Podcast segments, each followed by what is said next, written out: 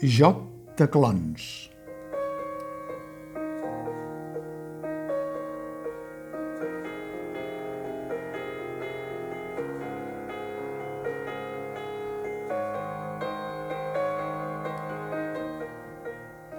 Era el febrer de l'any 2007, ha plogut molt, ni que ara faci de mal dia amb la sequera actual, quan els actors Andreu Benito i David Selves van estrenar aquí aquesta obra de la dramaturga Carol Churchill a l'Espai Lliure de Montjuïc.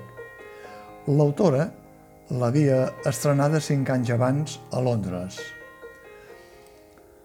Si aleshores l'impacte ja va ser considerable, el d'ara no ho és menys.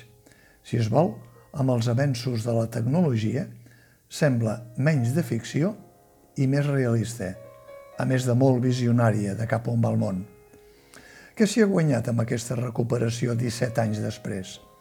Raimon Molins, que a més de ser un dels intèrprets la dirigeix, ha optat novament per la bona traducció que aleshores ja va fer de l'anglès el dramaturg Jordi Prat i Coll.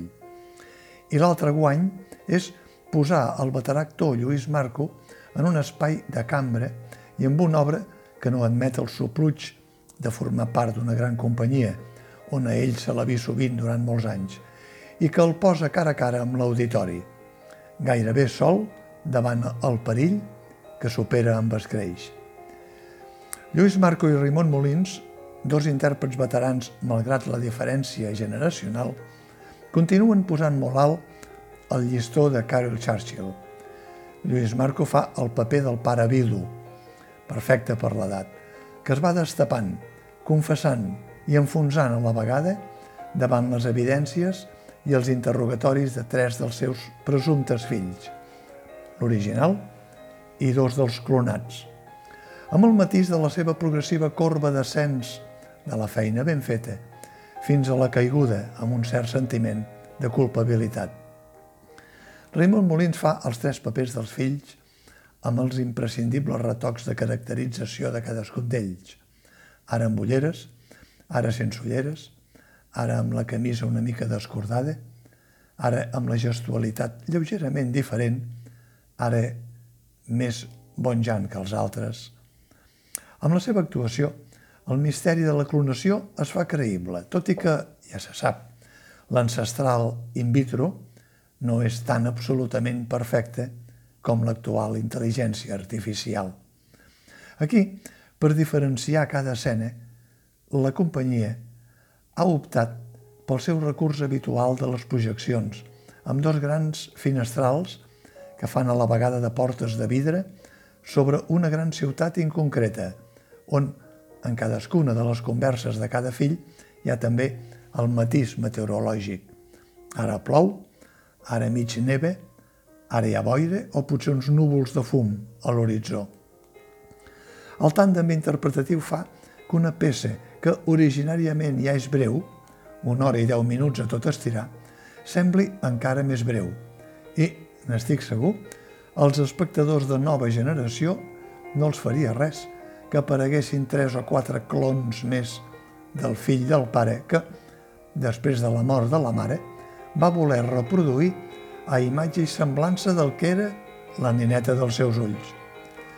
Recupero algunes parts del que vaig dir fa 17 anys.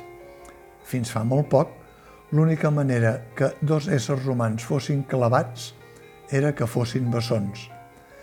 La llegenda al voltant dels bessons sobre si actuaven en segons quins moments empesos pels mateixos ressorts o si tenien una comunicació telepàtica s'ha estès al llarg del temps. Només l'augment de naixements de bessons a causa de l'augment de fertilitat per causes artificials, segons diuen, ha frenat aquesta llegenda. O potser l'ha aturada la notícia que els científics, en algun lloc del món, són capaços de reproduir amb un tant per cent força elevat d'èxit una còpia exacta d'un altre ésser viu o mort partint dels seus gens. Per això, l'obra de l'autora Carol Churchill, tot i que va ser amb el temps més visionària, pren amb el temps passat més credibilitat, fins al punt que segurament, d'aquí uns anys, serà vista com una tesi més visionària encara d'una autora que va predir el que passaria a l'estil Verne, salvant les distàncies. Al marge de si és moralment qüestionable o no la clonació, l'autora se centra en la relació que s'estableix entre un pare i un fill quan aquest descobreix que no és l'únic exemplar de la família.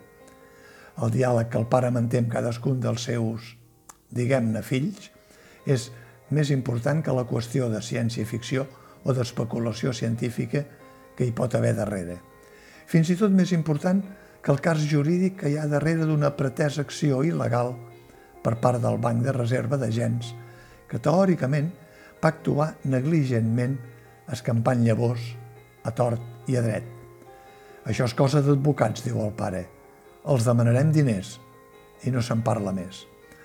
El que més li interessa a l'autora, doncs, és remarcar els conflictes que han crescut amb el temps en cadascun dels personatges i també l'escepticisme del tercer fill que apareix en escena fins al punt que la condició de fill clonat no li ha tret ni una engruna de felicitat. Moralitat final.